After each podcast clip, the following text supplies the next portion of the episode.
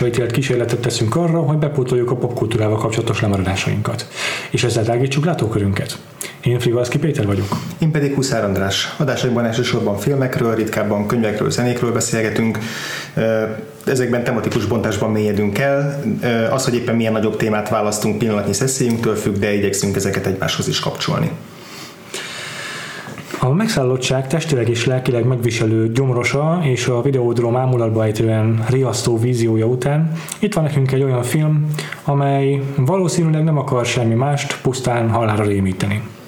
Clive Barker, az akkor még fiatal horrorszerző, első forgatókönyvírói szánypróbálgatásai után filmrendezésre adta a fejét. Saját maga akarta vászonra vinni az eredeti horror ötletektől hemzsegő elbeszélését, és ezzel elindított egy megosztó, de mindenképpen kultikus filmfranchise-t. Ezt a filmet pedig egy vendégtársaságában fogjuk megbeszélni, itt ül velünk Veres Szilárd, aki, aki valamennyire még kollégám is az Indexnek a, az Index 2 rovatából, és régi barátunk Twitterről.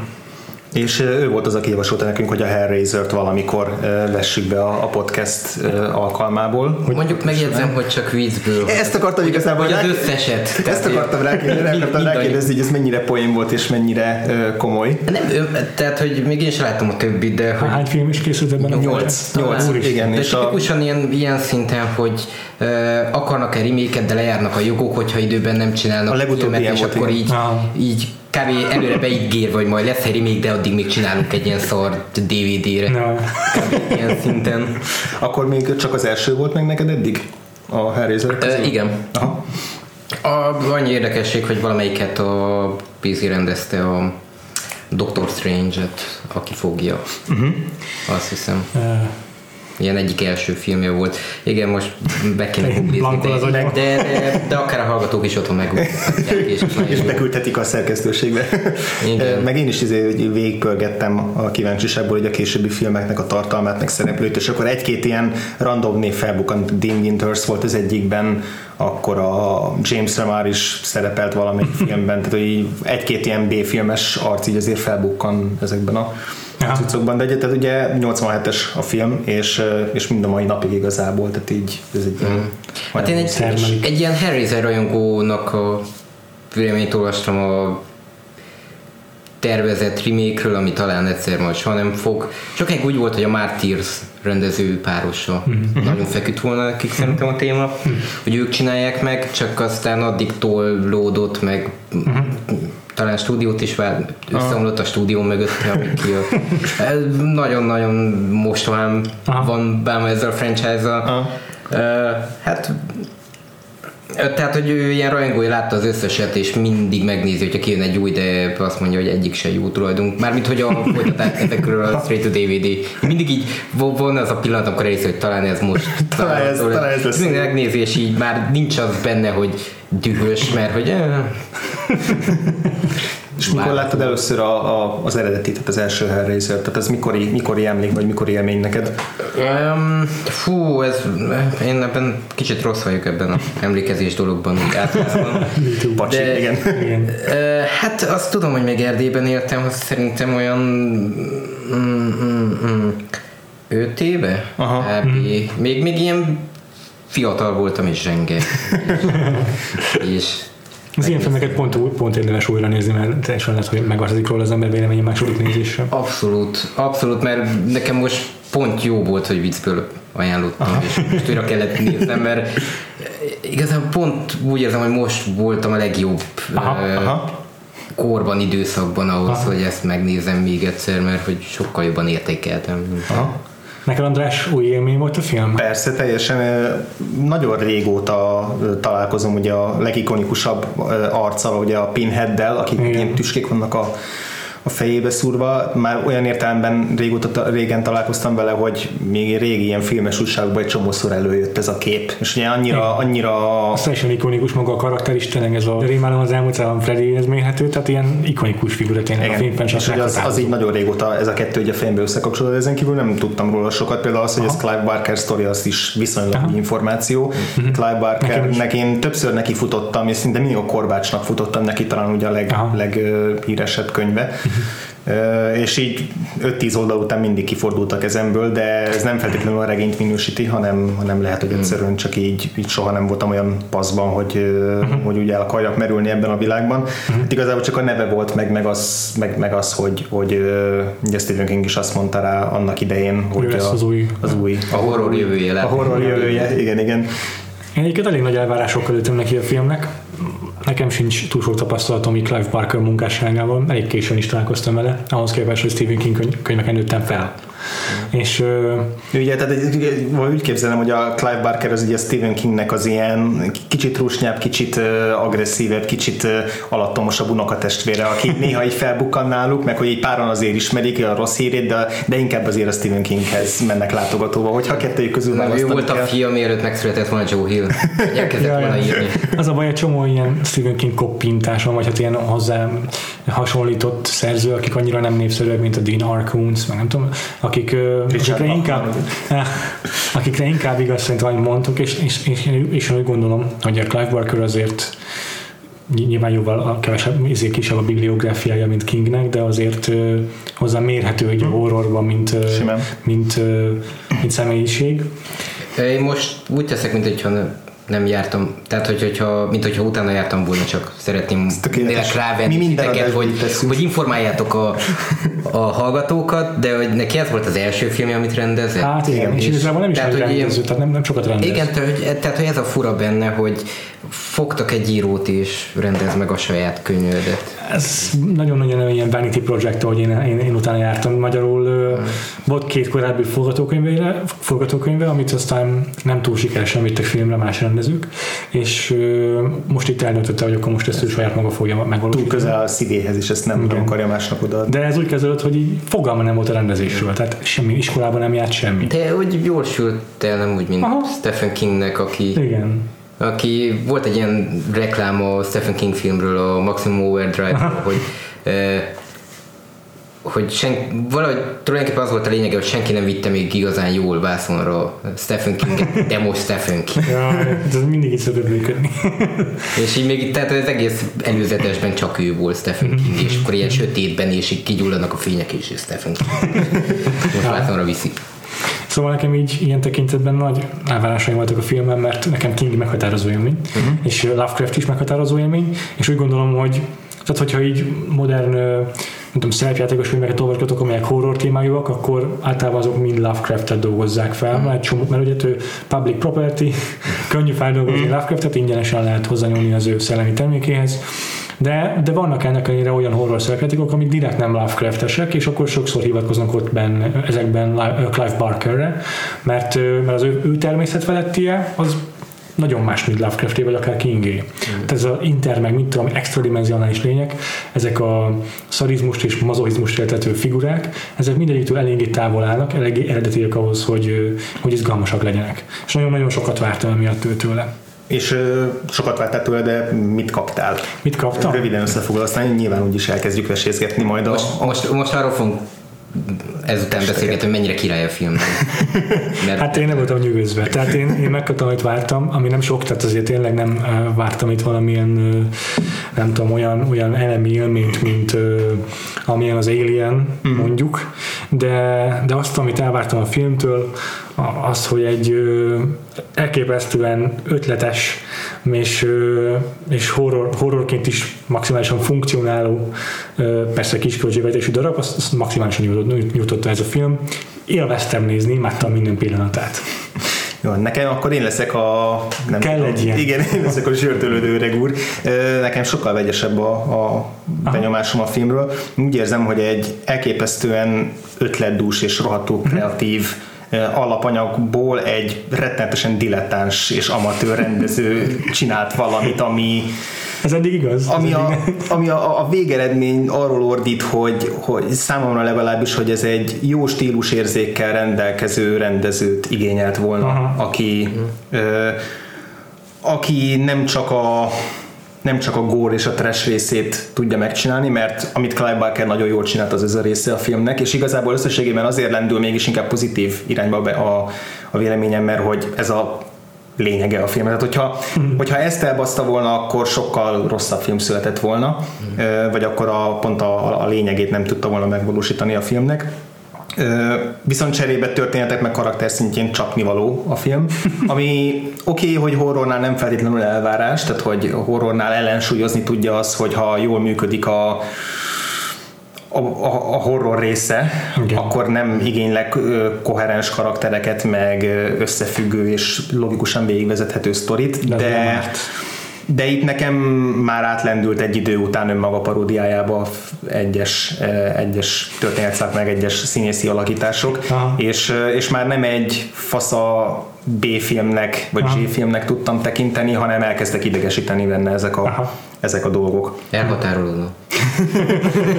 Egyébként itt gyorsan felolvastam a Roger Ebertnek a kritikájából. Fél csillagot adott a filmnek, Azért egy előzményként említsük meg, hogy Roger Ebert utálta a horrorokat. Tudom, ezt, ezt akartam is említeni, Roger Ebert nagyon sok mindenben és sokszor morálisan. Igen, és, és, és főleg a horrorfilmeknél, nem csak Aha. ott, de főleg a horrorfilmeknél néha nagyon-nagyon mellé tud lőni, és részben itt is mellé lő, de csak azért, csak a poén kedvéért ki, kiírtam egy szakaszt, hogy így fejezi be a, a kritikáját, hogy kimegy a moziba azért, hogy ilyen filmeket nézzem. Mit tetszett ebben bárkinek? Szeretem a jó horrorfilmeket, mert szeretek meglepődni, és néha még meg is hatódok. Okay?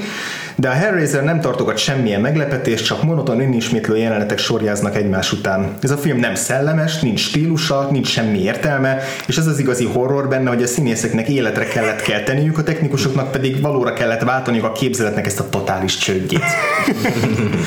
Ezzel a mondatom majdnem végig egyetértek. Az a képzelet totális csődje. Az pontosan, ez az, ami ezért is akartam felolvasni, mert Aha. hogy az az utolsó film volt, amiben szerintem totálisan mellélő Ebert, és, és ez a filmnek a legjobb Igen. szakasz. Tehát szerintem a képzeletnek a, a szenzációs életre hívása ez a film. Mm. Tehát az, hogy a, az, hogy a Barker fejében milyen gusztustalan, gennyedző borzalmak fortyognak, azt hibátlanul. Igen. Nem, nem lett egy ilyen filozófiai vagy nem is filozófiám, önmagában a világlátásuk a két embernek, mert hogy uh-huh.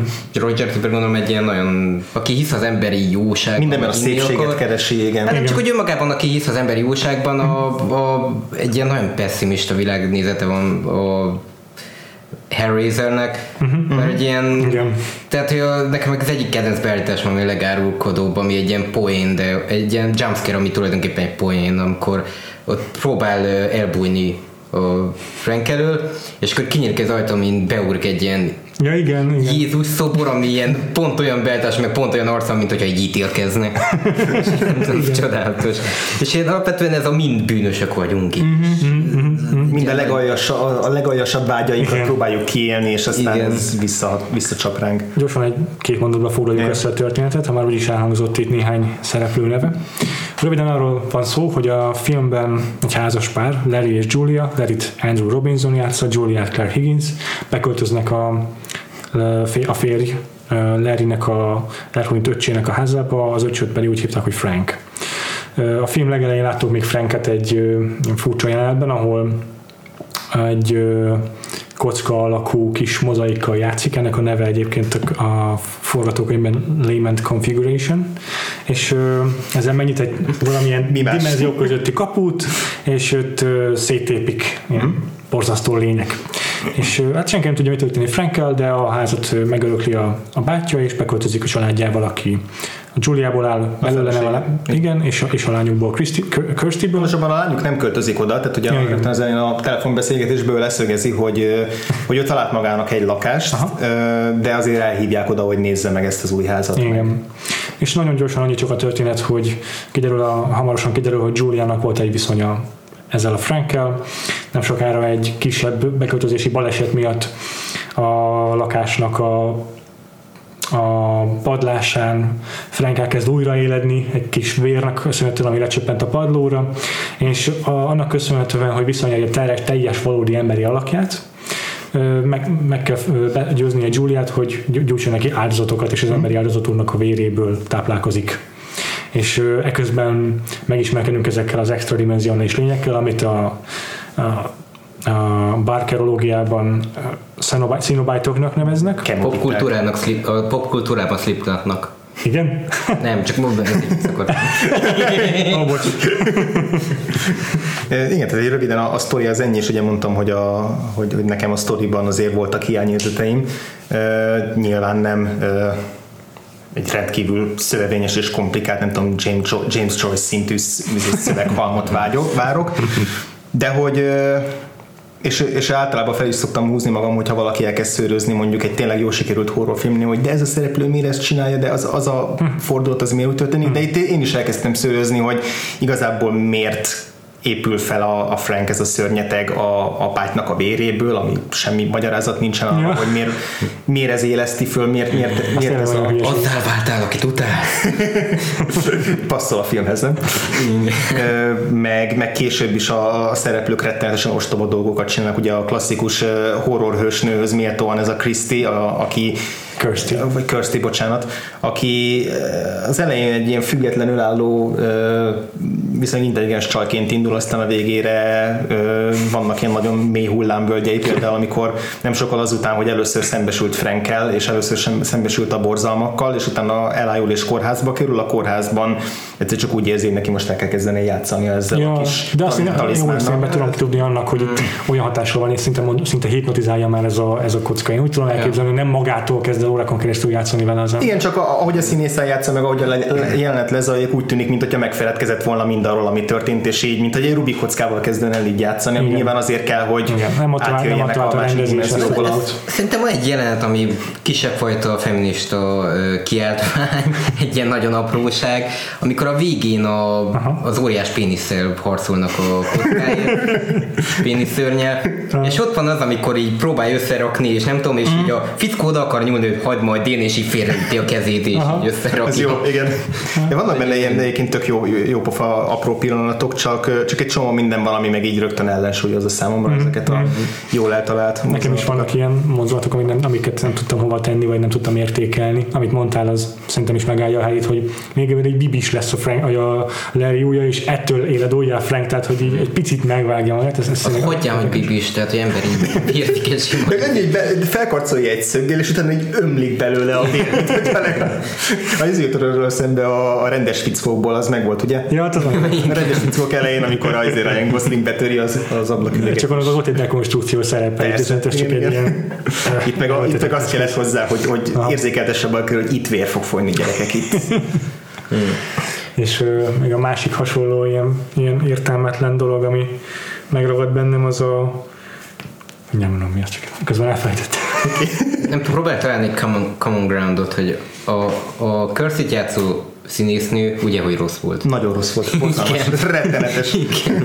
De szerintem annyira jó a film, hogy ennek ellenére én nagyon bírtam, de mm-hmm. hogy így ezek a tipikus jaj ne, jaj ne, és akkor ilyen tudod, ilyen jobbra-balra rázza a fejét típusú. A, film egyik mélypontja volt az a családi ebéd, amikor a rettetesen idióta csáó valakivel később összejön, így elkezdenek szemezni, és akkor a csáó így bekapja egy cigaretta csikét, meg aztán vissza, egy kis egy parti trükkel, és akkor a csaj hirtelen teljesen odáig van. Ja. És nagyon rosszul játszik mind a kettő. A másik mélypont szintén a kórházi jelenetnél, amikor bejön a, bejön a doki, bejön az orvos, aki szerintem, hogyha rangsorolni kéne a legrosszabbtól a legjobbig a színészeket, nálam az utolsó helyen lenne a, a, az orvos, még a, izé, a, a péniszörny is előbb, előbb lenne színészi alakítások régen. Azért teszem, hogy olyan, olyan mintha Richard Ayoade játszotta volna valamelyik közé paródia, B-filmes paródiában, mert hogy minden egyes hangsúlyozása, minden egyes gesztusa teljesen oda nem illő volt. Most beugrik a Richard Ayoade. You can come in there.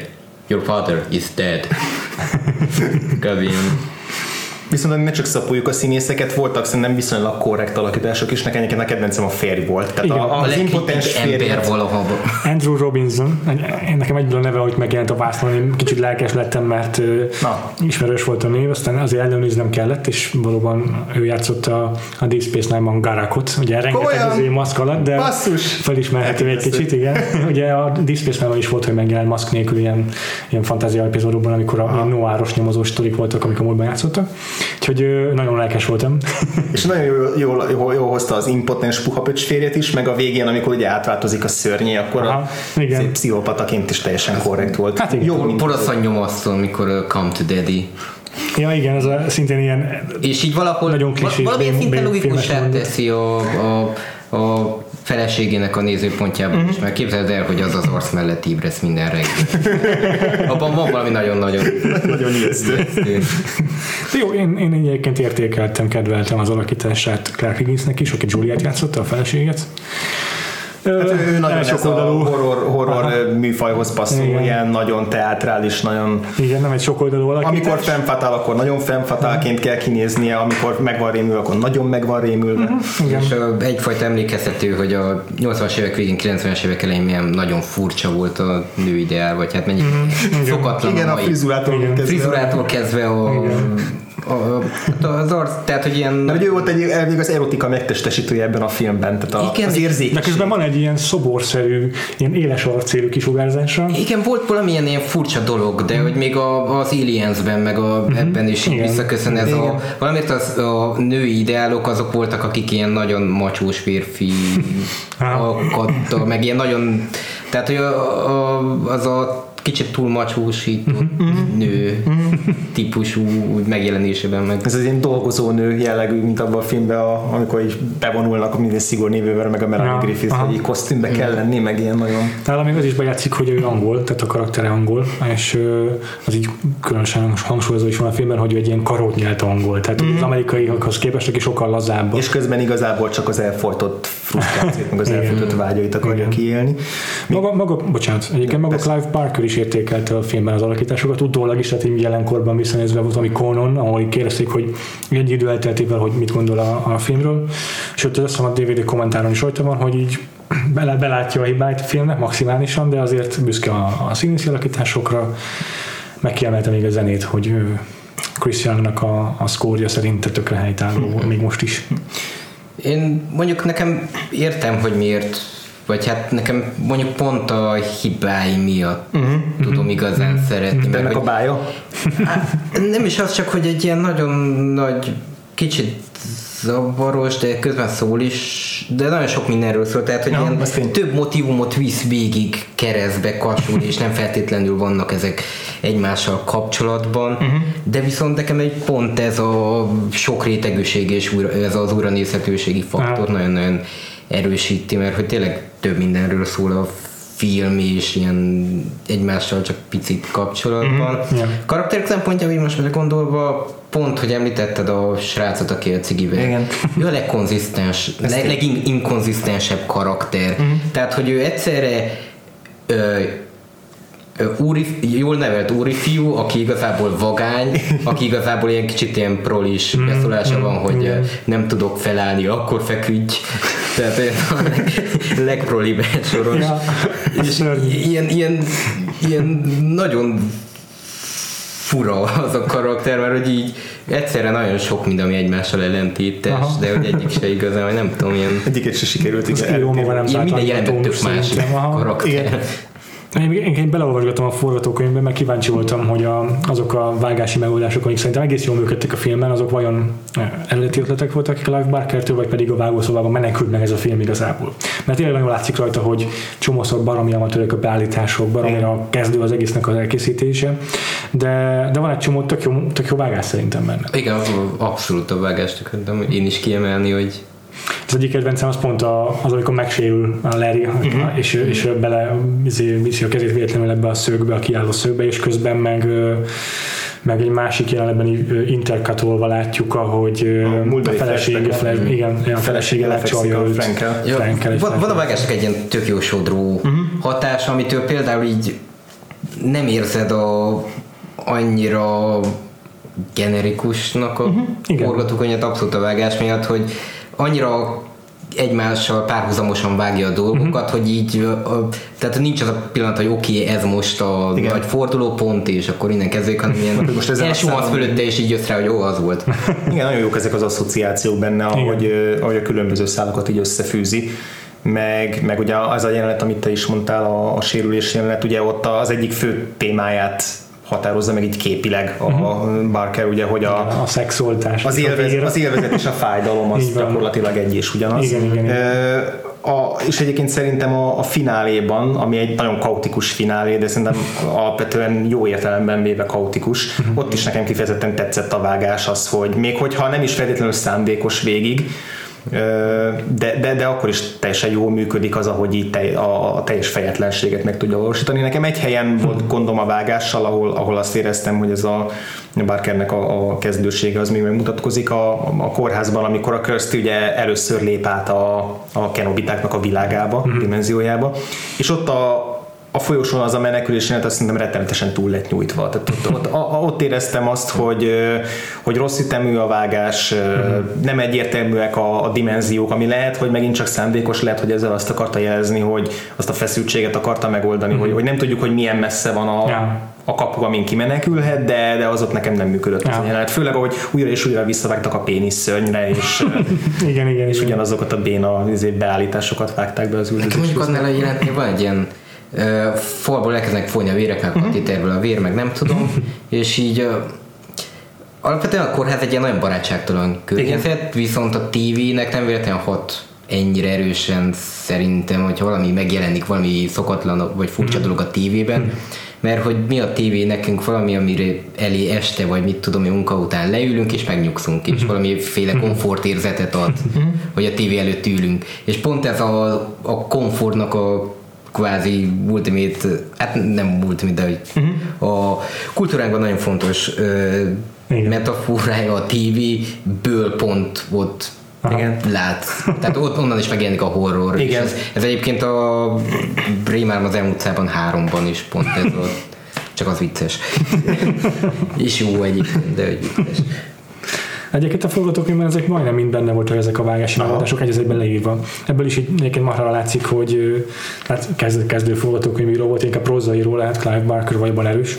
Tele van rendezői utasításokkal a, a, a script, hmm. meg hmm. olyan karaktereknek is van elneve, neve, rendes polgári neve, akiknek nem lenne fontos adni nevet, mert tudom, Victim van, és lehet ennyi a forgatókönyvben, nem az van benne, hanem mit tudom én, Mr. Potter, vagy akármi. Ja. És, és ezeket úgy egy profi már nem szokta elnevezni, profi író egy megint teljes keresztnév, vezetéknév. Sokszor.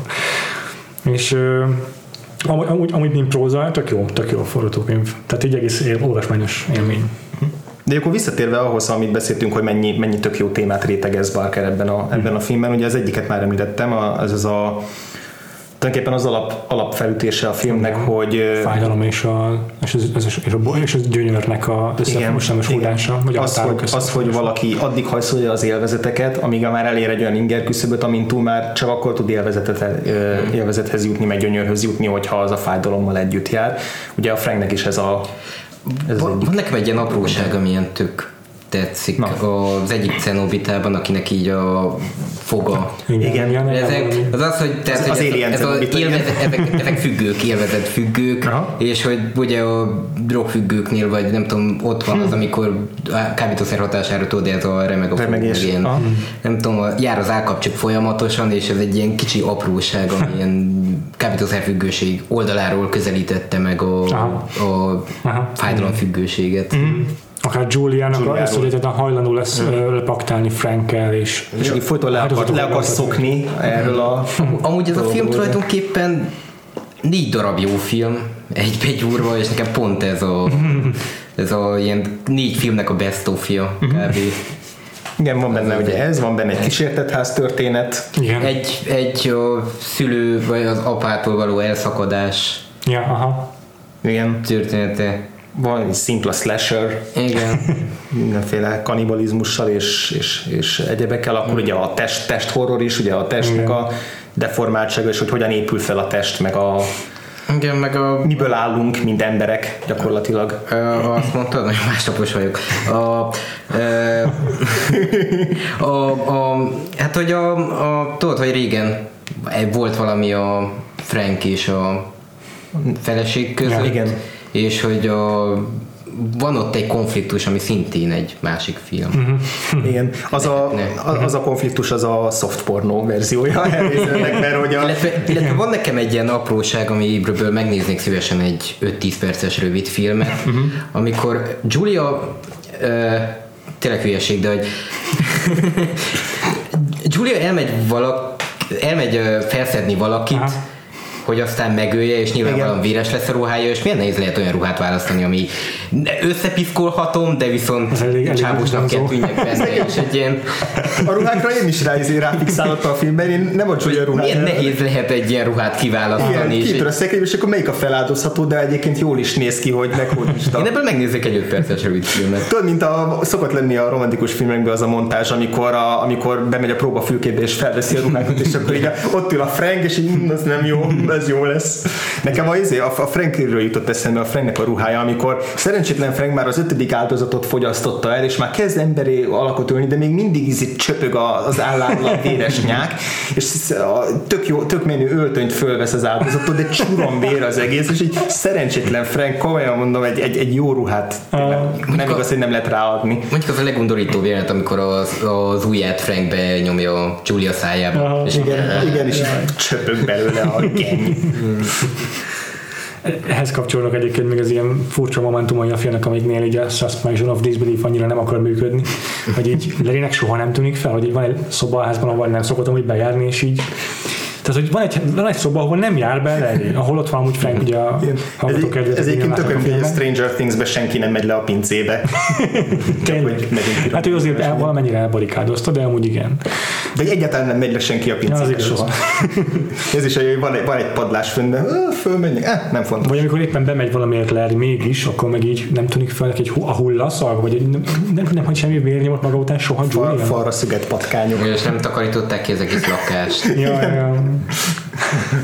Amint belépnek a házba, rögtön a, a konyhában ott van a, Férgek. a férgektől Igen, igen, igen. indulítók. Szóval nem tartanak egy nagy, egy nagy takarítást, és nem derülnek ki ezek a dolgok. De vannak még ilyen Meg hogy, a, meg hogy ugye a padláson rejtőzködik a Frank, de hogy igazából tök üres a padlás. Hát nincs mög... Néha így látjuk, Ja. hogy valami mögé bebújik, de nincs mi mögé bebújni. Ja. Nem, egészen értem, hogy mi történik, mert olyan, mintha egy tök üres tér lenne, és lenne egy kis oszlop az egyik sarokba, és a mögé így mindig be, besúnyog Frank. Igen, a helyeknek a Igen, nem, nem, nem földrajza bánik jól a annyira geográfiával. Nyilvánvaló, én mondjuk arra is gondoltam, hogy ez a ház a valóságban sokkal kisebb, mint ami a filmből tűnik. Vagy tehát a különböző helyszíneken is Mhm. Mondjuk a, ugyanaz a szoba kellett legyen két különböző helyszín, meg mondjuk talán még egy harmadik. Igen, viszont ez valamennyire egyébként előnye is a filmnek, hogy ez a kvázi ilyen mentális tér lesz ebből a házból, tehát hogy így soha nem tudod pontosan, hogy merre jársz, és, és nem, máig nem egészen világos nekem, hogy pontosan hány emelet is van ebben a házban. Nem tudom, ez jó vagy rossz. Mondjuk szerintem kicsit ilyen, van egy ilyen, ami így igazolja egy ilyen álomszerű uh-huh. hangulata az egész filmnek, ami így pi, pi, valóságszerű, de annyira mégsem, és így ö, önmagában az idő így nincs annyira érzékeltet, vagy mennyi idő Mhm. telik el. Igen. Mm, Ilyen, ilyen, vannak, van, vannak ilyen egy-két percek, amik ilyen percig ki, például amikor elvágja Igen. az izével magát, az is egy ilyen tulajdonképpen pár másodperc, ami ilyen három Nyomászosan kitart. percen keresztül, és van egy ilyen, ilyen fura vágással is, meg minden egy ilyen hömpölygő, álomszerű ö, hatása az egész filmnek. Igen, ez az, amiben jobban szerettem volna egy erősebb rendezőt, aki erre tényleg jobban rá tud feküdni, hogy ez a hogy, hogy, hogy tényleg azt érezzem, hogy ez egy szándékos ö, dolog volt, és nem, nem csak egy, egy véletlen valami, ami abból adódott, hogy nem, hogy Barker még egyáltalán nem volt mestere a filmkészítésnek. Szerintem soha nem, soha nem vált azzá, tehát az egyelőre az úgy, úgy is maradt. Nem, nekem fura, mert nekem pont az jött le, hogy ez pont olyan film volt, mint egy nagyon tehetséges, kezd, még nagyon kezdő uh-huh. horrorfilmesnek, uh-huh. akitől még fogunk szép, vagy fogunk klassz dolgokat látni, most még az első filmben pedig uh-huh. mindent bele akar gyúrni, és ilyen, pont ez a, ez a fajta ilyen lelkesedés, meg nem tudom, most meg kell mutassam, és mindent. Igen, egyébként az egyetértem, mert, mert képekben, meg bevilágításban például tök jó film, de nagyon jól működik egy csomó jelenet. Amikor a vacsora jelenetnél ö, már Julia vissza, már, már repaktált Frankel és lesétál a lépcsőn, és megjelenik a mostohánya Kirsty, és így már ugye keresni az első áldozat hát a szemeivel Julia, és akkor van egy ilyen beállítás, ami nagyon látványosan baby filmes, hogy így az árnyékban áll a lépcső tetején így fölé magasodva a mostoha lányának, meg egy csomó tök jobb van a filmben, amúgy is, amik jól néznek ki. Tehát azért Clive Barker eléggé megálmodta ezt a filmet, mielőtt még egyáltalán vászonra vitte volna. Meg van az a beállítás, amikor a flashbackben, amikor Frank és Julia és Julia mesztelen és az ágyon, és az ilyen nagyon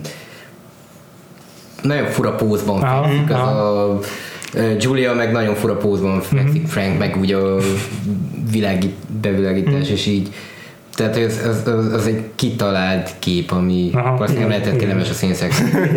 Mert ugye egy kicsit a könyöködet balra is. igen, lesz jó a póz. Igen. igen. De pont a flashbackek olyanok egyébként a, a, annak a bevilágítása, mint a klasszikus 80-as évekbeli pornófilmekben, tehát a nagyon, nagyon hmm. fényesen, tehát hogy úgy akarta érzékelni, hogy nagyon túl van világítva, mindenki túl van sminkelve, és ilyen borzasztóan, borzasztóan gogyi hatást kell. Kicsit ilyen két évtized közötti, mert hogyha ez hmm. egy 80-as évekbeli szexjelenet lett volna, akkor nagyon kék fények vannak, hmm. és ja, igen. nagyon ilyen sejtelmes az árnyékok, meg a, a, a, a, a muszlim függönyi meglépben a szélben. Igen, de viszont meg benne a 90 ez a minden mocskos, és minden, és most a szex király dolog. Igen, igen, igen. és most mind nagyon királyok vagyunk, hogy ezt csináljuk. Ha, ha ki kell emelni pár dolgot azok közül, amik, amik szinte nagyon működtek a Clive Barker film víziójában, azt szerintem kifejezetten a, a, az, ezek a kenobiták. Ja, igen nem csak azért, mert mesterien vannak meg alkotva ezek a lények, hanem tényleg egy remek fantázia kell ezeknek a kitalálásához. Mm. Meg ez egész alapkoncepció szerintem marhára eredeti, és sokkal eredetibb, mint a számomra, mint azok a horrorfilmek, amelyek nagyobb kultikusabb franchise-zal váltak, mint a, akár a Rémálom az utcában, vagy a Péntek 13. Nekem sokkal jobban megmozgatja a fantáziámat a kenobiták. Hmm. Nem, nem lehet, hogy azért, mert hogy igazából meglepően keveset látunk belőlük, mert hogy engem ez lepett meg a film közben, hogy ugye mivel a, a Pinheadről meg a kenobitákról hmm. tudtam a film előtt, hmm.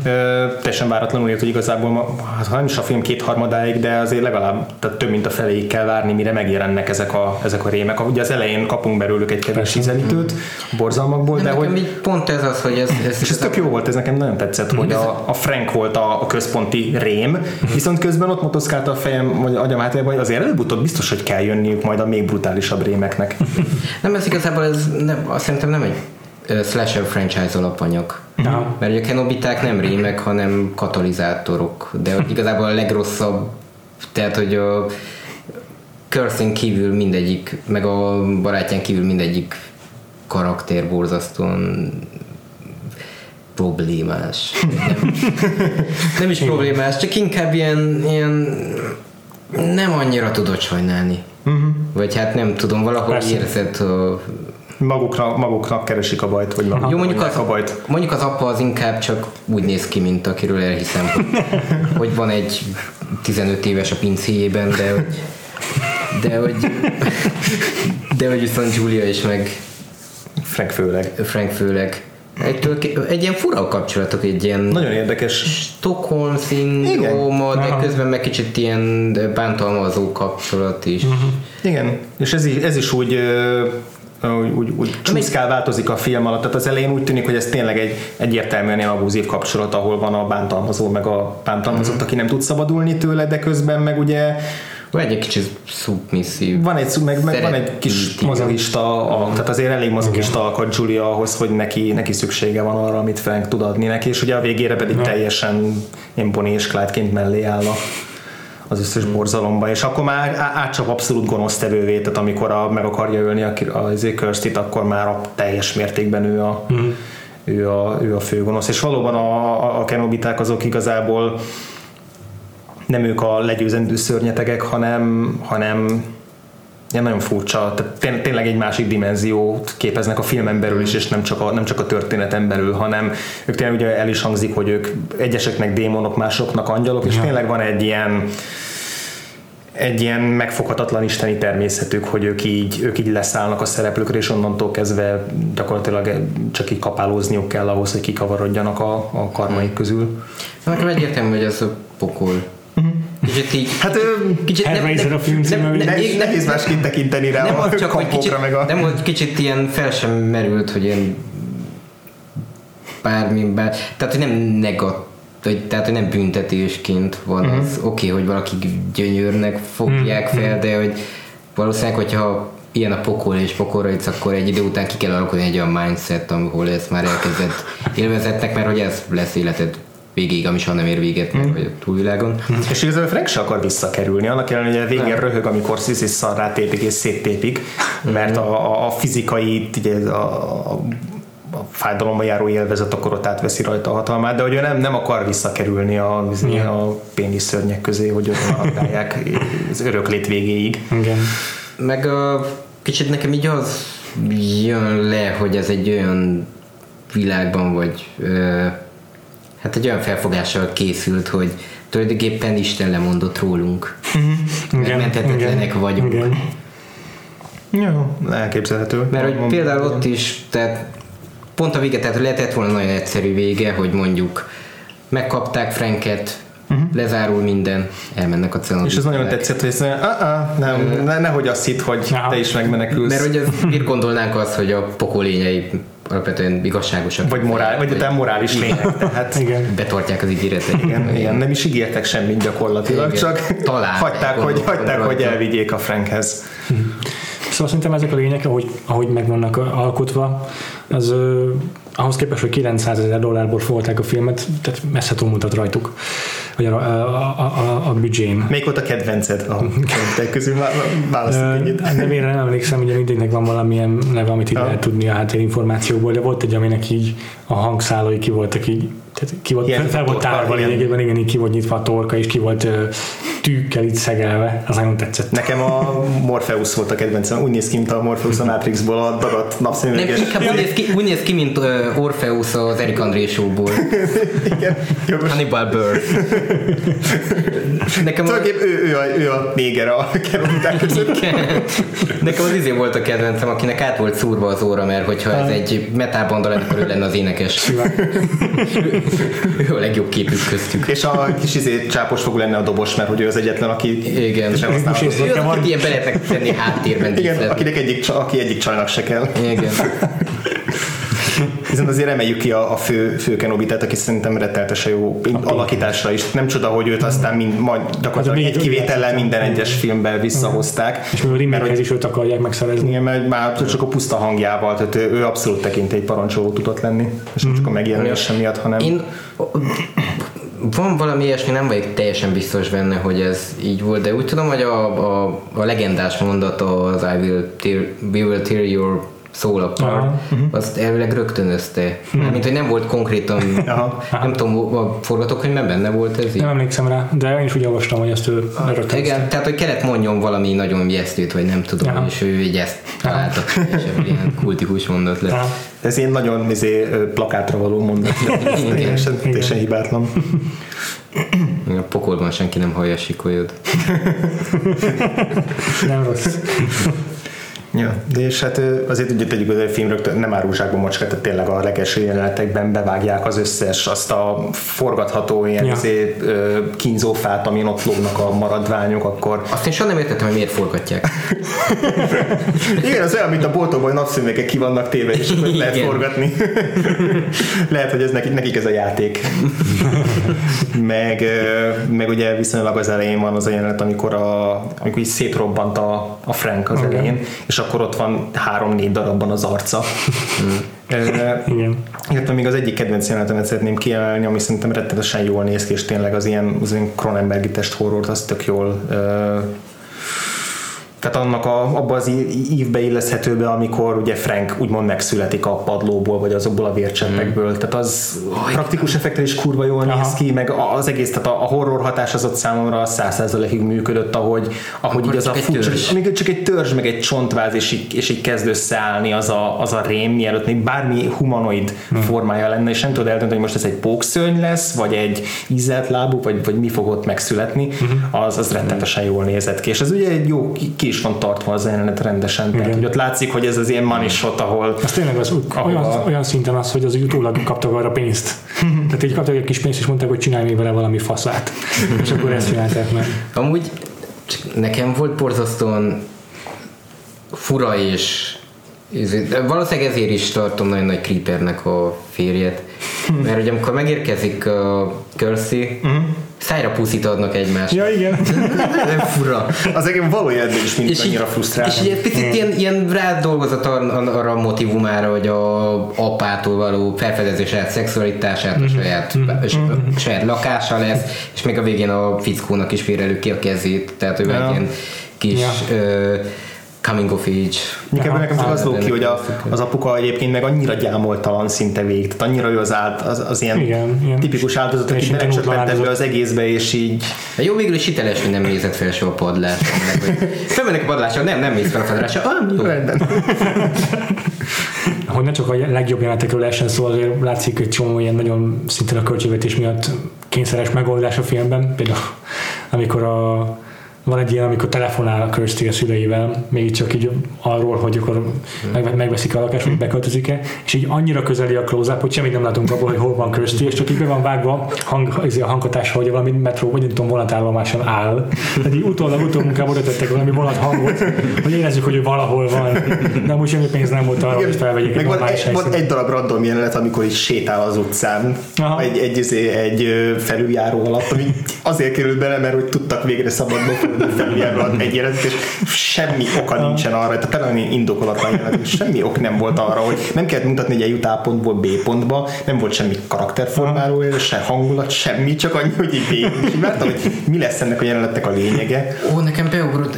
Mi a halál volt az a furcsa hajlék? A hajléktalan, azt igen akartam. Ja. Az tényleg csak a vége csattanó miatt volt ott az egész filmben? Mert hát ahhoz meg, Szerintem igen. Igen, szerintem igen. Én- én- ahhoz túl sokat Ja, hogy igen, a el. egy állatkereskedésben dolgozik. bro- ronda volt a csávó arca, hogy mármint, hogy annyira bőre, hogy én azt gondoltam, hogy ez Frank áruhában.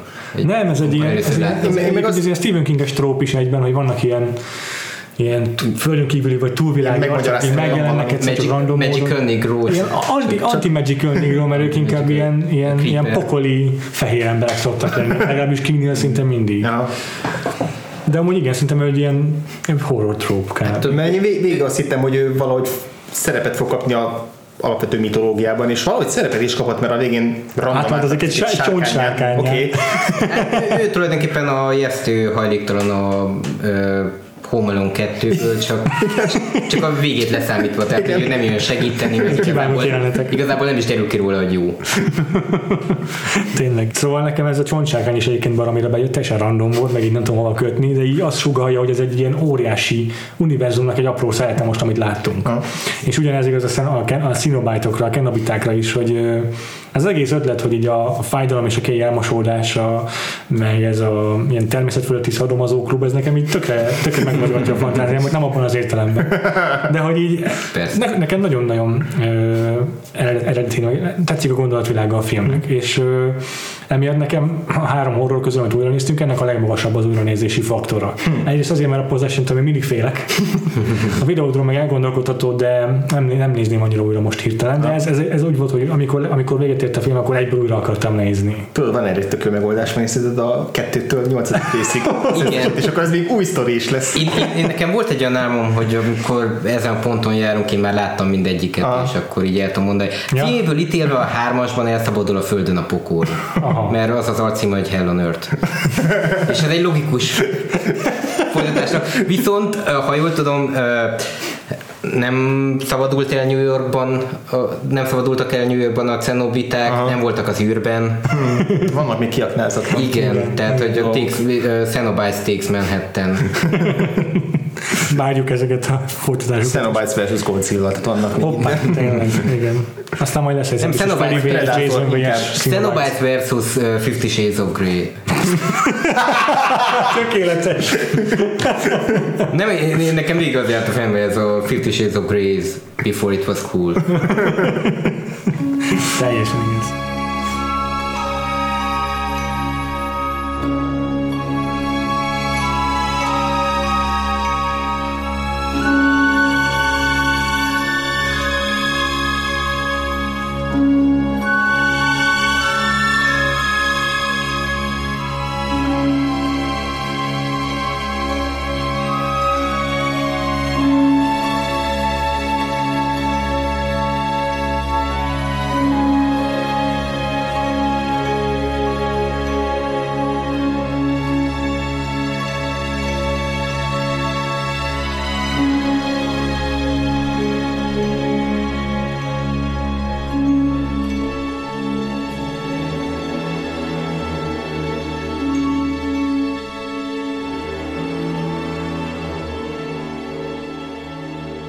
Oké, okay.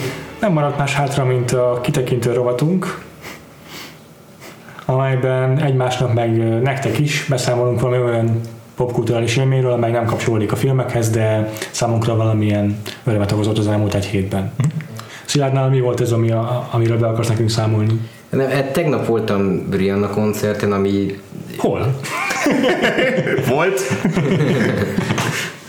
A38-on. Egy kis Ez a titkos második koncert. Mármint a tetőzeroszon volt. Nem? Igen, a szobámban. Voltam a szigeten, és er- e- hát tulajdonképpen mindenki panaszkodott erről, vagy nem tudom, nagyon Igen. kevés ember találkoztam, akinek tetszett volna. Nekem nagyon, de mondjuk szó nincs arra, hogy azt mondanám, hogy nincs igazuk, vagy tévednek, uh-huh. bármi, csak hogy én, én a egyike voltam a nagyon sok tini lánynak, aki a tömegben megvadult, hogy, hogy én ismertem a számait, szerettem a számait, főleg az új album az tetszett igazán, addig, addig korábbi lemezeiről inkább csak dalok tetszettek, de így mint lemez Aha. egységben annyira nem, még a, az egyel előtti volt még ebből jobb. Más valaki lett nála a producer, vagy csak így ő nem, kicsit kezdi pontogatni a szárnyait, Aha. de ő még nem, valahol félúton van a Kanye West per Beyoncé és a Ja. nem tudom A harmadik Destiny's Child lány között vagy.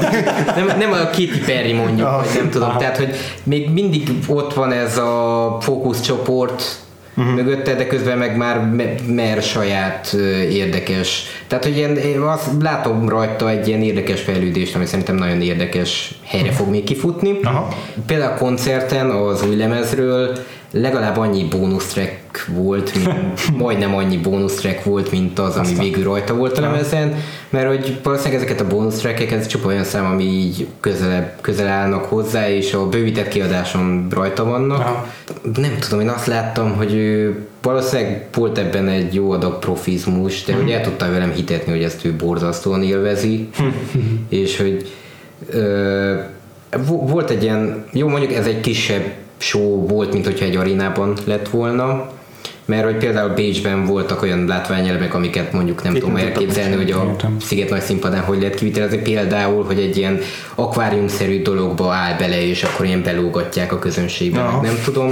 Amit gondolom kell Hát az próbálni. félnapos meg- előkészítés kell Biztos, ott. igen, és azt, hogy meg lehet csinálni, hogy meg csak van ő lép 20 fel perc. aznap Igen. valahol, és itt erre ilyesmikre nem volt idő, de voltak ilyen nagyon ilyen táncosok, meg ilyen csillám dominák, mármint hogy ilyen, ilyen csillogó ruhás domina szerkós ö, emberek, Csillám, csillám domina leszek jövő fas. akik ilyen, ilyen Oh. táncoltak, meg volt ilyen, Halloween. tudod, ilyen, ilyen artista szerű ezekben a fura ruhákban, és ilyen kicsavarba csináltak nagyon fura dolgokat, meg, meg, meg volt, volt kurva jó szó, gitárszóló, gitáros, mm-hmm. és nekem még nagyon friss az élmény, úgyhogy még nem nagyon tudom összetenni. De úgy tűnik, hogy akkor neked egy teljes élményt adott. Abszolút, csak kicsit ez a, mivel mindenki más utálta, így Ja. önkéntelen is felveszek egy ilyen defenzív pozíciót, Persze. de hogy én, én, én, én imádtam, mert hogy valahogy nem tudom, nekem én így pont ideális volt abból a szempontból ez a koncert, hogy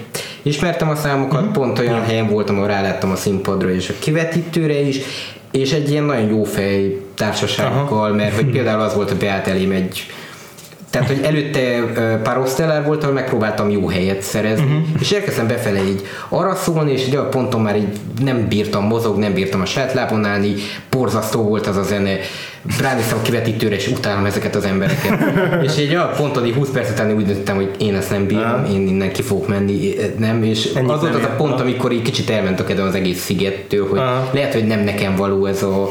Ez, és aztán így a Briannánál volt egy ilyen hirtelen visszapattant, pedig fél órát késett, hogy a ilyen beállt elem egy ilyen nagyon magas ember, aki ilyen nagyon Aha. közel, és így pont nem láttam semmit, és így kiszakadt belőlem, akkor ilyen pangosan, mert már nagyon frusztrált volt, hogy ah, come on, man! És akkor így mellettem hallották a spanyol lányok, akik körülvettek, és így rám néztek, és így megfogták a kezemet, és így szépen így kerestek nekem egy jobb helyet.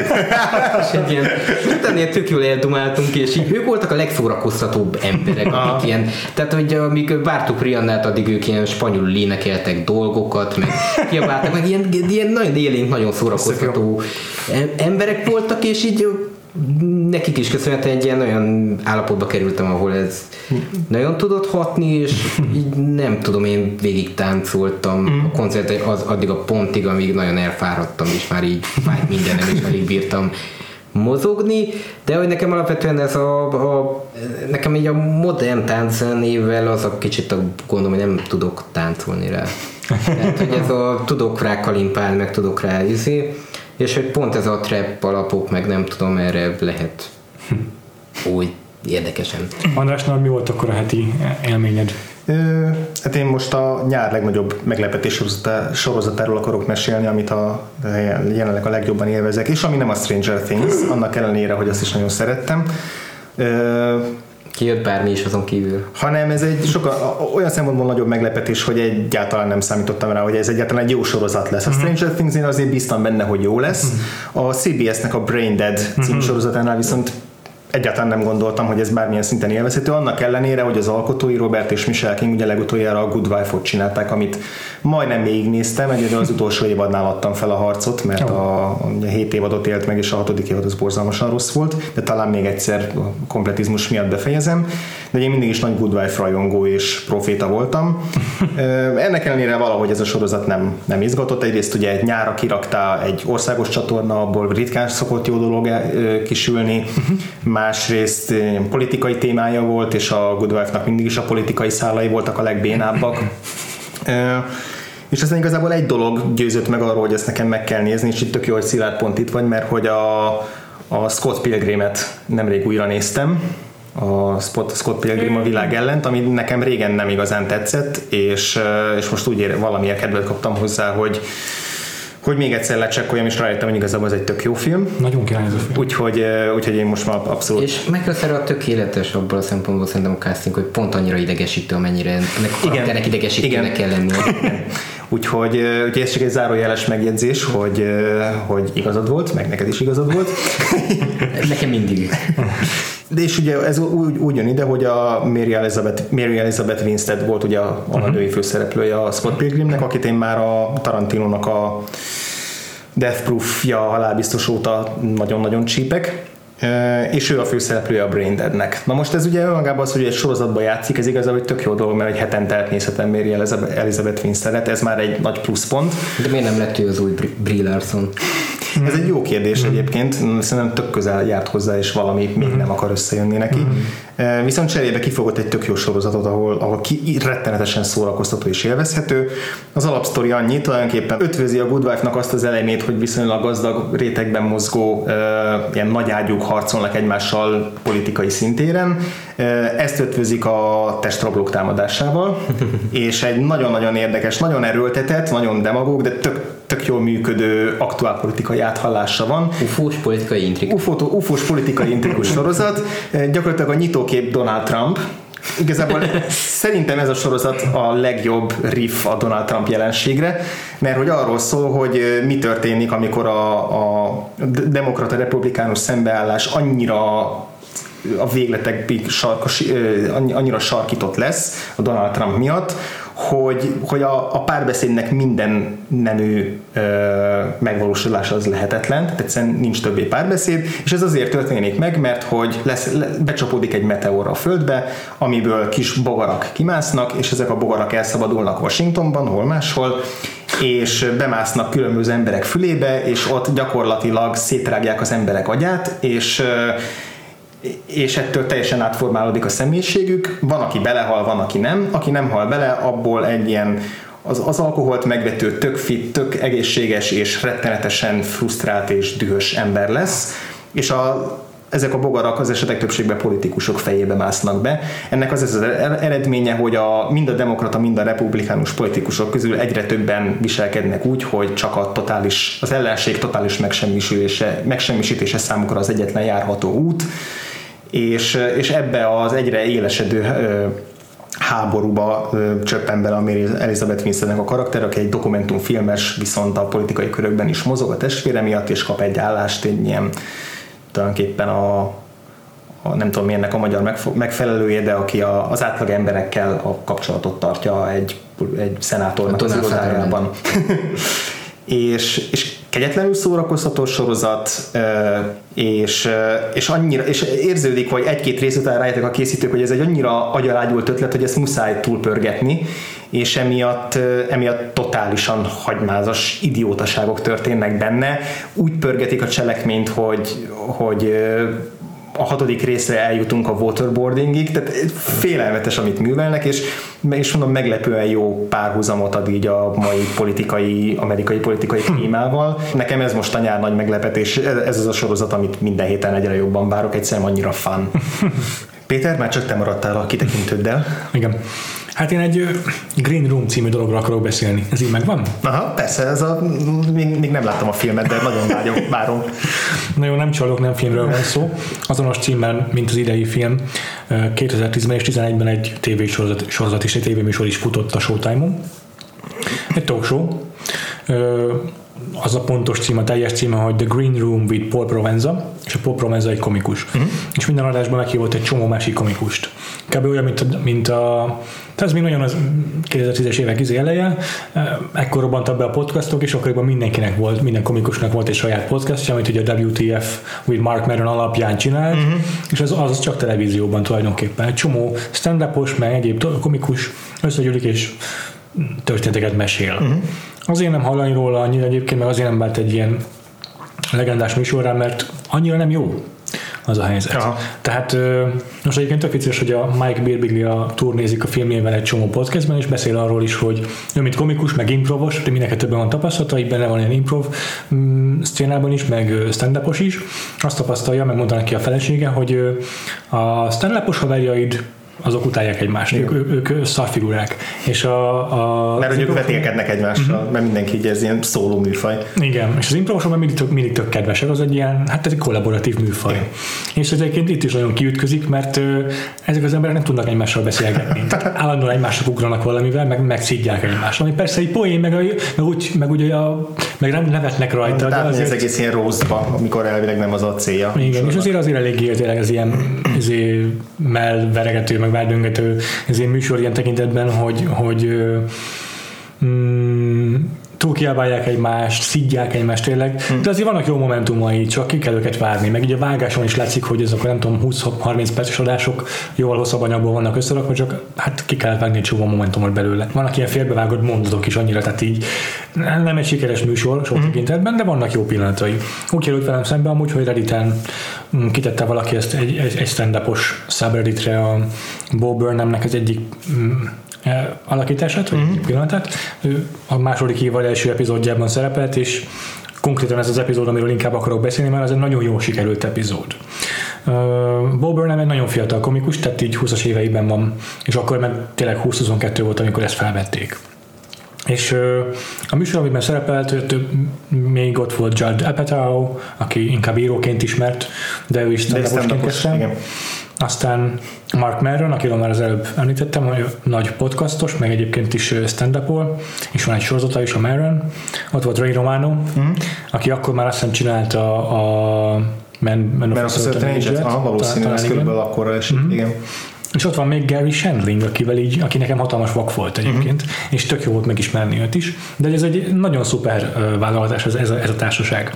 Tehát ezek csak nagyon nagy nevek, akiket itt látunk. Nem mintha többi epizódban nem lenne panasz, el, el, eleve a pilotban ott volt Drew Carey, meg Eddie Izzard, de mindenki beugrott ebbe a műsorba, Jim Jeffries, Bill Burr, mindenki ott uh-huh. volt legalább egyszer és hát igazából mindenki egyszer volt ott, mert csak két évadot ért meg a műsor. Majdnem végig is néztem az egészet, már mit a második évadból így csak pár rész maradt hátra. Mm, de ez az egy epizód, amiben itt van Gary Shandling, meg Bob Burnham, ez tényleg egy tök jól összerakott Aha. rész. Ebben nem érzem azt, hogy állandóan ki van belőle vágva valami, meg be tudnak fejezni történeteket, meg érdekesen elbeszélgetnek, nem az van, hogy egy nyakás, egymás nyakának úrnak a, a stand hanem, hanem nagyon jól elbeszélgetnek, meg nagyon jól riffelnek egymásra. Gary Shandling iszonyú gyors, nagyon jó, nagyon, nagyon jó agya van valószínűleg, és azonnal tud diffelni, azon tud jó, azonnal tud jó poénokkal visszavágni, amikor valaki szurkál, bele, bele, szurkál kicsit. Valami szórakoztató ez az epizód, meg egy, egyébként is így azokért a mágikus pillanatokért, amik jól működnek, azokért érdemes belenézni a Green Room-ba. A YouTube-on fenn van az egész mindenestől az összes epizód, be fogom linkelni a show notes-ba. Jó, hát miközben beszélgetünk a kitekintőnkről, egyszer csak hogy az, így félszemmel láttam, hogy a Szilárd elkezd egy ilyen kis hülye kis kockával játszani. Tényleg azt hittem, hogy Rubik kocka, hogy emlegettem, és hogy felcsillant a szemed, de így, de így egyszer csak így szétrobbant mindenféle vére, véres foltokká, meg így most beterített minket így a belejével, úgyhogy hogyha nem halljátok most őt egy darabja, akkor ez, ezért, ez, ezért történik meg. Megpróbáljuk azért visszahozni, mert remélhetőleg másik dimenzióba azért még így hal minket, és talán még egy elköszönésre vissza tudjuk csempészni, de addig is... Ami biztos, hogy biztos köszönjünk el a hallgatóktól, ki tudja, visszatérünk-e valaha. Jó kérdés, igen. Esetre a vakfoltpodcast.hu a honlapunk, ahol a minden posztunkat megtaláljátok. A Facebook oldalunk címe pedig facebook.com per Vakfolt Podcast, több érdekességgel az epizódokon kívül. Az itunes hogyha csillagoztok minket, értékelést írtok rólunk, azt megköszönjük. Letterboxdon Vakfolt címkével fogjuk előni a filmről alkotott véleményünket. Így van, Twitteren megtaláltok mind a hármunkat, ugye Szilárdnak, Averes Szilárd volt eddig a, a, a neve, hogyha ott nem láttok tőle több tweetet, akkor most már tudjátok, hogy miért. Valamilyen másik zónában van éppen. Igen, ugye Averes Szilárd. Téged milyen néven talál? Engem Gaines néven, G-A-I-N-E-S aláhúzás. Én pedig Frivo, F-R-E-E-V-U. Így van. A szignálunkat az Artur zenekar szolgáltatta, őket is megtaláltak a Facebookon és a Twitteren. Uh-huh. És ezzel véget ért a Vagfolt Podcast első évadja. Ne jegyetek meg, itt vagyunk, itt maradunk, nem megyünk messzire. Csak úgy gondoltuk, hogy így a 19. adással és azzal az összesen három hétnyi hiátussal, amit összehoztunk ez alatt, ez egy évnek egy pont a, ez pont a fele. Úgyhogy most tartunk egy egy jelképes évad finálét ezzel az adással, és nem sokára visszatérünk a második évaddal, közben pedig különleges epizódokkal várunk benneteket. Így van, tehát nem fog kimaradni hét, Így csak van. most jön néhány olyan adás, ahol picit elszakadunk a vakfoltnak a tematikájától. Uh-huh. Jövő héten például két olyan filmet nézünk meg, ami ugyan vakfolt, de... De azért szabályoknak abban az értelemben nem felel meg, hogy nem kellően régi film ahhoz, hogy vakfoltnak tekinthessük. Így van, hanem két olyan filmet fogunk egy adásban megbeszélni, amik valamelyikünk számára az elmúlt cirka egy évből mm-hmm. kimaradtak, és mondjuk fesztivál sikereken, vagy, vagy egyéb helyeken annyit hallottunk róluk, hogy, hogy igazából mindig be akartuk pótolni, csak valamiért kimaradt. Igen. Te mely, melyik filmet hozod? Az én filmem 2014-es, és de Magyarországon csak tavaly bukkant fel a Titanic Filmfesztiválon, mm-hmm. akkor viszont valahogy pont úgy jött ki a műsorrend, hogy nem tudtam eljutni rá sehogy sem, vagy mm-hmm. túl későn volt, vagy nem tudom. A címe A Girl Walks, Walks Home Alone at Night. Magyarul a frappáns csadaros vérszívó címmel került a moziba. Én pedig egy, ha jól 2015-ös filmet fogok bedobni a közösbe, egy román filmet, aminek az a címe, hogy a Ferim. Ez, e, e, erről, ezt a két filmet fogjuk talán kicsit összevetni, de minden uh-huh. esetre megbeszélni. Köszönjük, hogy velünk voltatok, jövő héten is várom benneteket. És még egyszer szeretném megköszönni Szilárdnak, hogy vendégként részt vett az adásban. Hát sajnálom. Úgyhogy jövő héten egy ilyen idegen nyelvű, úgy értjük, hogy nem angol száz és indi filmes, különleges adásról fogjuk nyitni. Addig is minden jót, sziasztok! Sziasztok!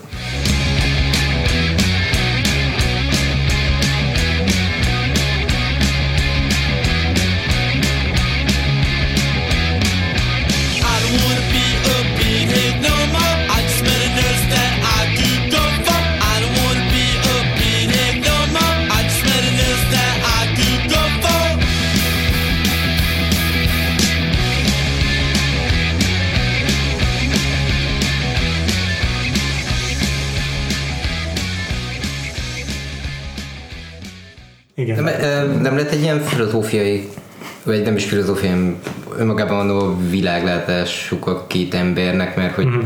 Roger Cooper gondolom egy ilyen nagyon pozitív dolgokat igen, igen. keres, nagyon igen, a, igen, igen. Ö, uh, ennek a filmnek uh, sajnálom. Semmi baj. hát ez hagyjuk benne végén. Ez az elköszönés után vissza kell